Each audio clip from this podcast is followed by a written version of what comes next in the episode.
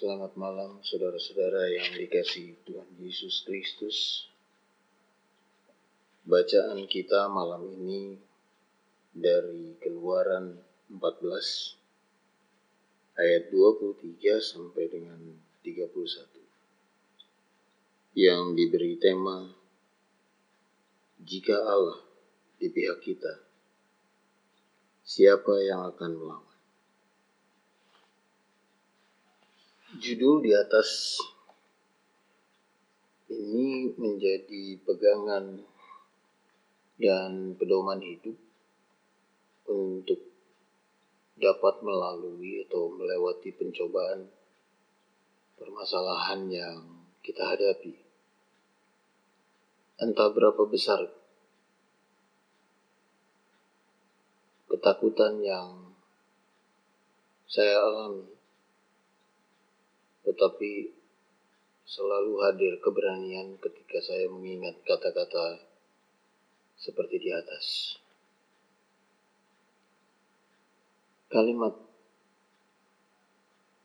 jika Allah di pihak kita, siapa yang akan melawan? Selalu kalimat ini menjadi sumber kekuatan ketika menghadapi penderitaan dan permasalahan hidup. Masalah-masalah yang berat dan sepertinya tidak ada jalan keluar. Maka kalimat di atas segera membangkitkan kita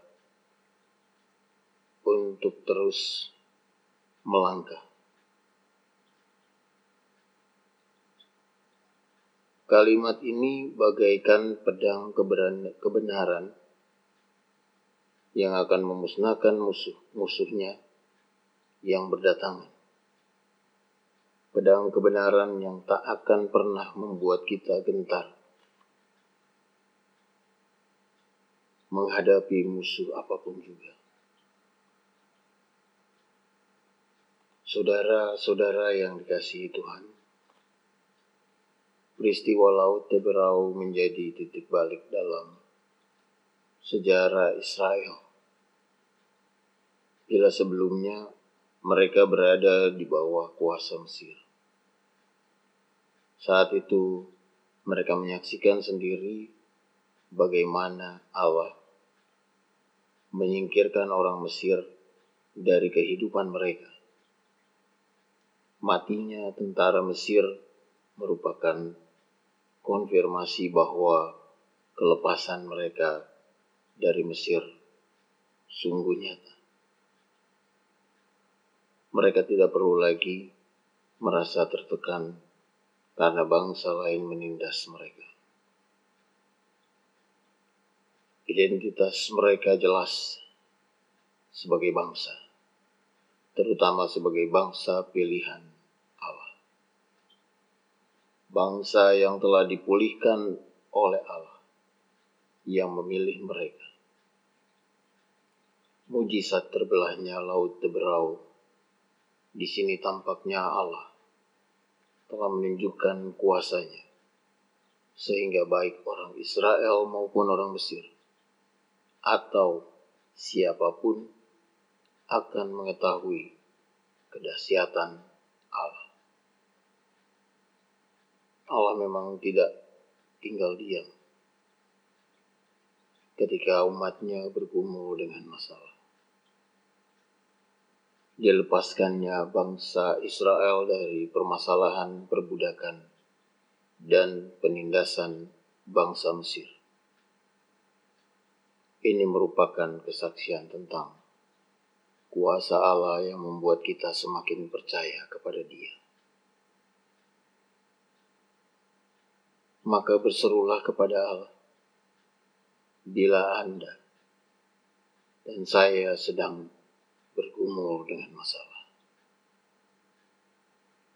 Bila dalam setiap langkah hidup kita bisa selalu berlandaskan pada yang tertulis di dalam firman-Nya. maka saya percaya dan yakin kehidupan kita akan selalu menjadi terang. Bila percaya dan yakin pada padanya, serta berada di jalannya, maka Allah akan di pihak kita. Jadi ujian dan pencobaan atau kesulitan dan masalah apalagi yang mesti kita takutkan. Dan kita tidak perlu takut, tidak perlu khawatir dengan hari-hari yang akan kita lalui. Bila kita mengatakan percaya kepadanya, Tuhan tidak akan pernah terlambat bertindak. Kuasanya yang dahsyat, sanggup menyelesaikan masalah sebesar apa pun. Karena itu jangan pernah kehilangan iman kita kepada Tuhan. Ia peduli dan akan bertindak dalam kuasa dan kedaulatannya. Ingat, jangan pernah kehilangan iman kita kepada Tuhan. Ia peduli akan ber dan akan bertindak dalam kuasa dan kedaulatannya. Entah dia akan menyelesaikan masalah itu secepatnya.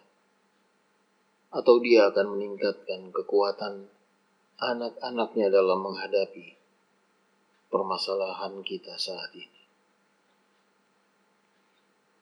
Semoga kesadaran selalu menyertai kita di dalam keyakinan untuk menghadapi persoalan dan masalah yang akan datang silih berganti di dalam kita menjalani kehidupan ini. Tuhan Yesus Kristus memberkati kita. Amin.